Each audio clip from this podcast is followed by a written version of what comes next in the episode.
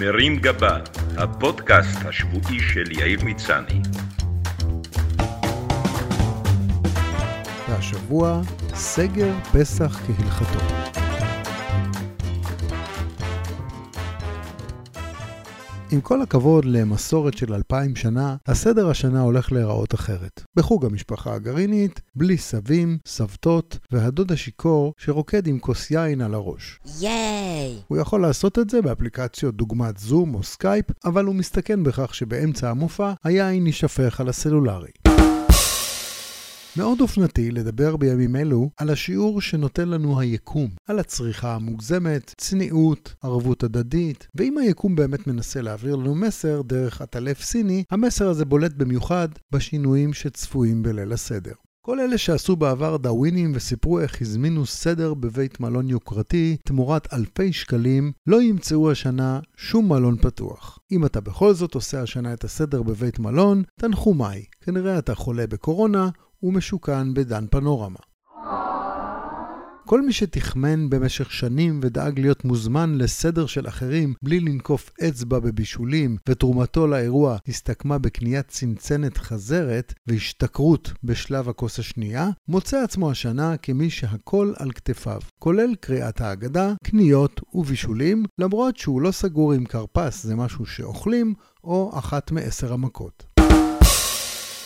כל מי שתמיד קיטר על הפקקים ועל זה שצריך לצאת בשלוש כדי להגיע לחיפה בשש, היה מוכן עכשיו לנסוע יום שלם עם סיר של מרק נדלח על הברכיים, אם רק היו נותנים לו להתניע את האוטו שכבר שבועיים לא זז מהמקום. כל מי שבתום ליל הסדר יילל למה דווקא הוא צריך להחזיר את סבתא באמצע הלילה, ומה קרה שתיקח מונית, יהיה מוכן עכשיו לסחוב אותה מחיפה לתל אביב על הגב, רק כדי שלא תהיה לבד בליל הסדר.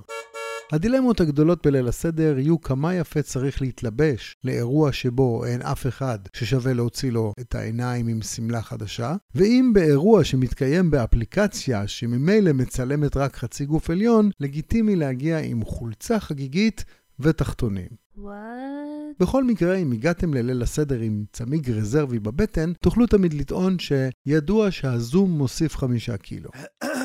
אם חשבתם שהסדר עומד להיות קצר בגלל מיעוט המשתתפים סביב השולחן, הביאו בחשבון עוד 40 דקות של הסבר לסבתא איך מפעילים סקייפ, 30 דקות נוספות שבהן היא תצלם בטעות את האגרטל שמאחוריה, נפילות רשת בגלל העומס, והזמן שייקח להסביר לדוד שזה לא הכי אסתטי כשהוא מצמיד את אוזנו השעירה למצלמה כדי לשמוע יותר טוב. So fancy. דרושה גם מחשבה שנייה בכל הקשור למדיניות הדלת הפתוחה עבור אליהו הנביא. מדובר באדם שנמצא ללא ספק בקבוצת סיכון, מה גם שאין לך מושג איפה הוא היה קודם, באיזה כוס הוא נגע ובאיזו טיסה הוא עלה לשמיים. ברמה הלאומית יהיה עצוב לראות שאף אחד לא קונה מתנות לחג והקניונים ריקים. מצד שני, לאף אחד אין עכשיו כסף להוציא על סט צלחות, וגם אם קיבלת תלושים מהמעסיק, בדואר או עם יונה, אתה מקסימום יכולת לגשת לסופר ולרכוש איתם קופסאות טונה. את מכירת החמץ של המדינה לגוי ייאלצו השנה לבצע באינטרנט או באמצעות שליח על קטנוע. כל מי שתמיד רצה לברוח מהסדר לטובת חופשה רוויית חמץ בטוסקנה, מודה עכשיו לאלוהים שהוא לא במסע קניות מגפיים בארץ המגף, ושמח שהוא תקוע בבית, בריא, אם כי השחצנים שרגילים להוציא לך את העיניים במהלך החג עם תמונות אינסטגרם מאתרי נופש יוקרתיים, בטח ימשיכו להעלות את אותם תמונות, והפעם עם הכיתוב כאן הייתי אמור להיות עכשיו. בכל שנה בפסח מגיעים למיון אלה מאיתנו שהגזימו עם המצות והמעיים שלהם נסתמו בטיט ובלבנים. רק שהשנה מומלץ להתאפק שבעתיים עם המצות, כי מי שיגיע למיון בימים אלה, עצירות עלולה להיות הבעיה האחרונה שלו. מנגד, יכול להיות שבסוף החג נגלה שהמצות שברו אפילו את הווירוס. הוא יחזור על ארבע למערת הטלפים הסינית שממנה הגיח, ובא לציון גואל. עד אז, זה הזמן ליהנות ממיטב לעיתי ההגדה בגרסה עדכנית.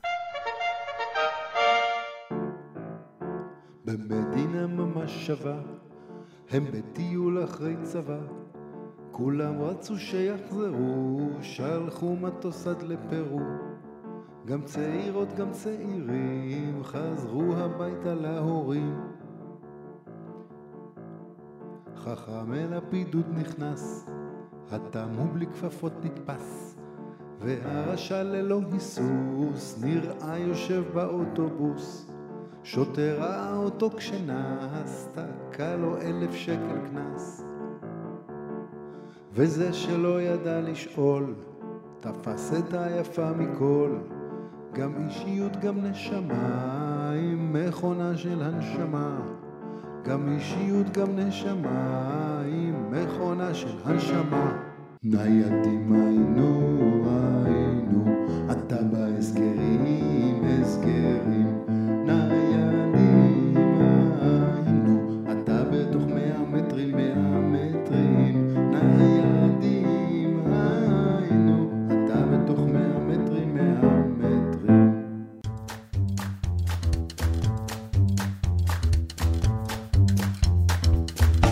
מרים גבה, הפודקאסט השבועי של יאיר מצני.